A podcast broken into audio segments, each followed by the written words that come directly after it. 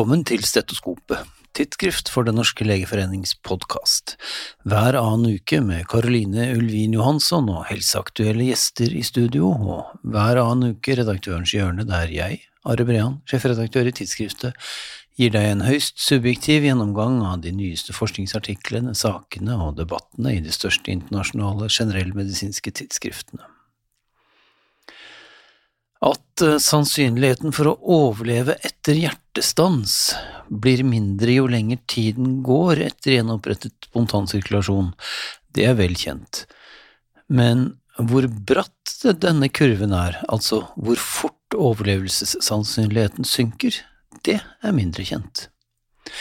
Det har en stor retrospektiv studie fra USA nå forsøkt å bore i. Studien er eh, nylig publisert i British Medical Journal. Det var nesten 350 000 pasienter med en gjennomsnittsalder på 67 år som ble inkludert. Alle hadde hatt hjertestans eh, i 2020 eller i 2021 mens de var innleggende på sykehus, og alle ble forsøkt resuscitert.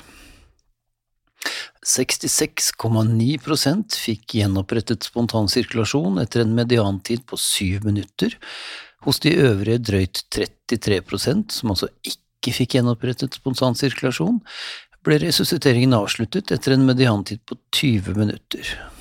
Bare et nedslående 22,6% av pasientene overlevde helt til utskrivning fra sykehus. Forskerne analyserte også sannsynligheten for overlevelse og for godt utkomme for hvert minutt med pågående resuscitering uten spontansirkulasjon og sannsynligheten for overlevelse sank fra 22% etter ett minutt med resuscitering til mindre enn 1% etter 39 minutter.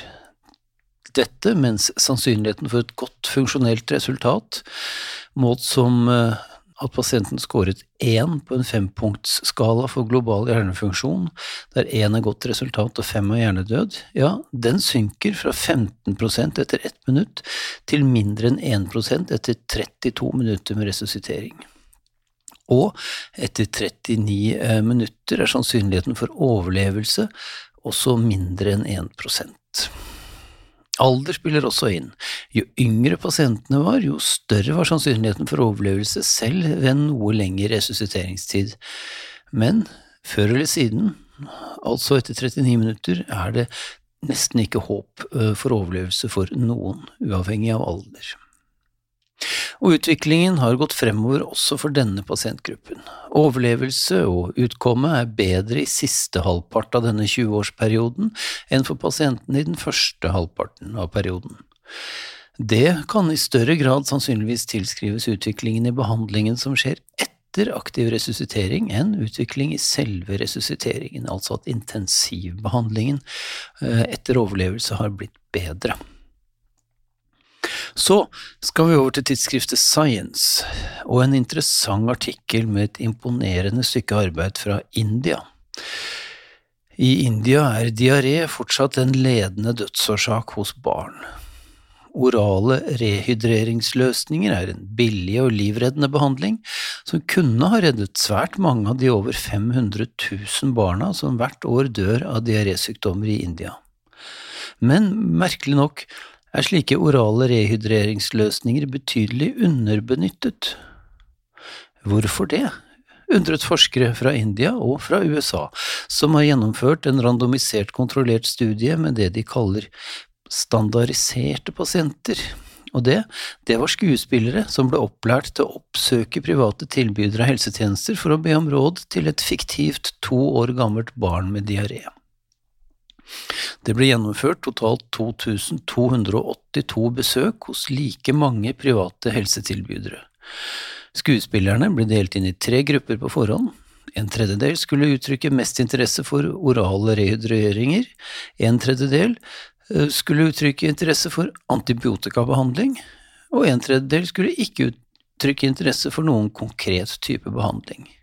Det ble også gjort ulike tiltak for å minske sannsynligheten for bias og finne underliggende drivere. Blant annet ble halvparten av sentrene på forhånd utstyrt med ekstra lager av oral rehydrering, slik at manglende tilgang ikke skulle være et hinder, og halvparten av skuespillerne som ønsket antibiotika, ble instruert til å si at de skulle hente medisinen i et annet distrikt, slik at ikke finansielle insentiver hos legen skulle påvirke utfallet. Eh, summa summarum, viste seg at pasientens preferanse var den klart største driveren for valg av behandling. Det var hele seks til ti ganger viktigere enn mangel på oral rehydrering, og mye viktigere enn finansielle insentiver hos helsetilbyderen for å forskrive antibiotika. Og det interessante er at helsetilbyderne hadde en langt større tilbøyelighet til å tilskrive foreldrene en negativ holdning til oral rehydrering enn det andre undersøkelser viser at foreldre i India faktisk har. Så, dette viser oss, nok en gang, hvordan helsehjelp alltid blir til i samspillet mellom den hjelpesøkende og hjelperen, enten det er leger eller andre helsearbeidere, og det viser ikke minst betydningen av god kommunikasjon i det kliniske møtet. Ved slike enkle, kostnadsfrie tiltak kunne, i dette tilfellet, mange flere barneliv ha blitt spart. Og som et lite apropos til studiedesignet, er det interessant å tenke seg hvordan et slikt studiedesign ville ha blitt mottatt i en norsk etisk komité. Ikke særlig velvillig, vil jeg anta, men med utradisjonelle midler kan man av og til finne svært interessante svar. Og mens vi er i gang med barnemedisin, vi har vært innom temaet før her i Redaktørens hjørne, nemlig hvorvidt covid-19-vaksinasjon av gravide kan ha negative følger for fosteret. Nå foreligger en ny slik studie, denne gangen publisert i Yama og med forfattere og studieobjekter fra Norge og Sverige. Alle barn født i Norge og Sverige mellom juni 2021 og januar 2023 ble inkludert i denne populasjonsbaserte kohortstudien. Eksponeringen var definert som enhver vaksine mot covid-19 under svangerskapet, uavhengig av produsent og antall vaksiner. Nærmere 95 000 av barna ble eksponert for covid-19-vaksinasjon under svangerskapet, mens noe over 100 000 ikke ble det. Og konklusjonen var at vaksinasjon i svangerskapet ikke var assosiert med økt risiko for noen av de prespesifiserte endepunktene. Tvert imot var vaksinasjon under graviditet assosiert med lavere sjanser for neonatal intrakranel blødning, for cerebral iskjemi og for hypoksisk iskjemisk encefalopati. Og vaksinasjon under graviditet var faktisk også assosiert med lavere neonatal dødelighet. Men hvordan går det så videre med barn og mødre som har blitt vaksinert mot covid-19 under svangerskapet? Jo, det har en annen nylig studie sett på. Denne kohortstudien er publisert i Yama Pediatrics, og spørsmålet var hvorvidt eksponering for mors covid-19-vaksinasjon in utro var assosiert med økt risiko for nevroutviklingssvikt. Totalt nesten 2500 gravide ble inkludert, eller rettere sagt, 2500 barn i magen ble inkludert og endepunktet var score på et standardisert nevroutviklingsskjema, det såkalte Ages and Stages-spørreskjema, når barnet var 12 måneder og når barnet var 18 måneder, og eksponerte spedbarn ble sammenlignet med ueksponerte. Resultatene var ganske enkle å tolke, det var nemlig ingen sammenheng mellom hvorvidt mor var vaksinert under svangerskapet eller ikke, og barnas nevroutviklingsscore ved 12 og 18 måneder, heller ikke i noen av subgruppeanalysene og dermed har vi altså enda mer robuste data bak påstanden om at covid-19-vaksinasjon ser ut til å være helt trygt også for gravide. Uspesifikk svimmelhet er en svært vanlig plage, ikke minst i allmennpraksis. Tilstanden kan ha en lang rekke årsaker, som kjent, fra de helt benigne til de livstruende, og ofte finner man ikke noen klar årsak til plagene, som også kan være ganske så uspesifikke. Men kan likevel slik svimmelhet være en markør for f.eks. for eksempel tidlig død? Det er spørsmålet seks amerikanske forskere har stilt seg, og svaret fant de ved å inkludere 9000 personer over 40 år som alle deltok i en stor nasjonal helseundersøkelse fra 1999 til 2004, der de blant annet besvarte spørsmål om hvorvidt de de siste tolv månedene hadde hatt svimmelhetssymptomer, og om hvordan disse artet seg.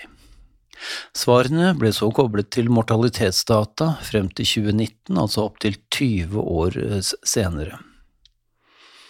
Og i denne kohorten var symptomatisk svimmelhet assosiert med økt risiko for død av alle årsaker, samt med død av både diabetes, kardiovaskulær sykdom og kreftsykdom, men ikke assosiert med ulykkesrelatert mortalitet. Og særlig svimmelhet ledsaget av balanseproblemer og fall var assosiert med økt dødelighet, mens ren posisjonell svimmelhet ikke var det. Hva mekanismen er her, er selvsagt uråd å si ut fra dette studiedesignet. Det kan være at svimmelhet gjenspeiler en underliggende sykdom allerede ved sykdomsstart, eller det kan være at svimmelheten sier noe om en generell underliggende sykdomsrisiko mer enn om manifest sykdom, eller sammenhengen kan være mer subtil og sammensatt. Uansett, det er ut fra dette god grunn til å ta uspesifikk svimmelhet på alvor og å utrede skikkelig.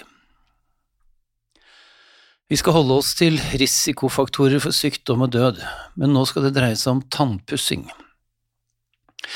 Vi vet alle at daglig tannpuss er viktig, og naturlig nok også når man ligger på sykehus, men er daglig tannpuss hos pasienter innlagt på sykehus assosiert med forebygging av sykehuservervet lungebetennelse og bedre utkomme etter sykehusoppholdet?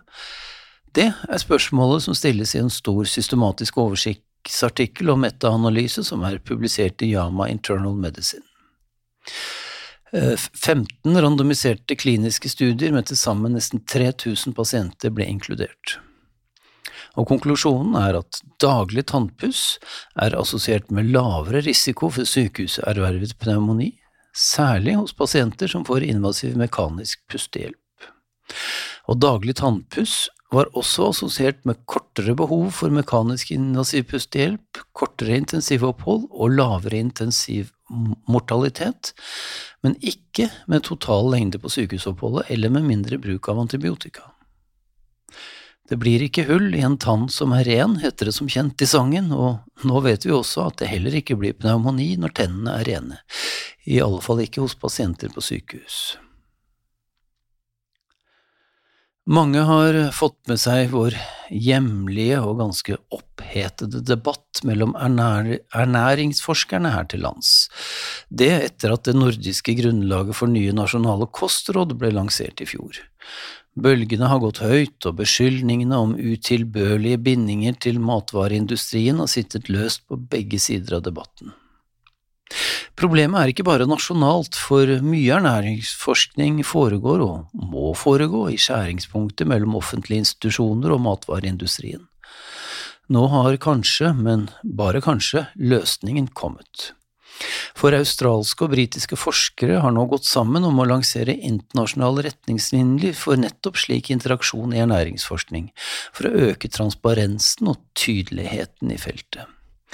Retningslinjene har fått navnet Food Research Risk, passende nok forkortet til FORK, altså gaffel, og retningslinjene skal være et praktisk hjelpemiddel både for forskerne selv, for finansiørene, både de offentlige og de som tilhører matvareindustrien, og for de vitenskapelige tidsskriftene som til sist skal publisere forskningen. Så får vi se da om retningslinjene som nydelig er publisert i British Medical Journal vil tas i utstrakt bruk, og ikke minst så får vi se om det hjelper på beskyldninger om utilbørlige bindinger matforskerne imellom. Det siste er jeg mer usikker på, for å si det slik.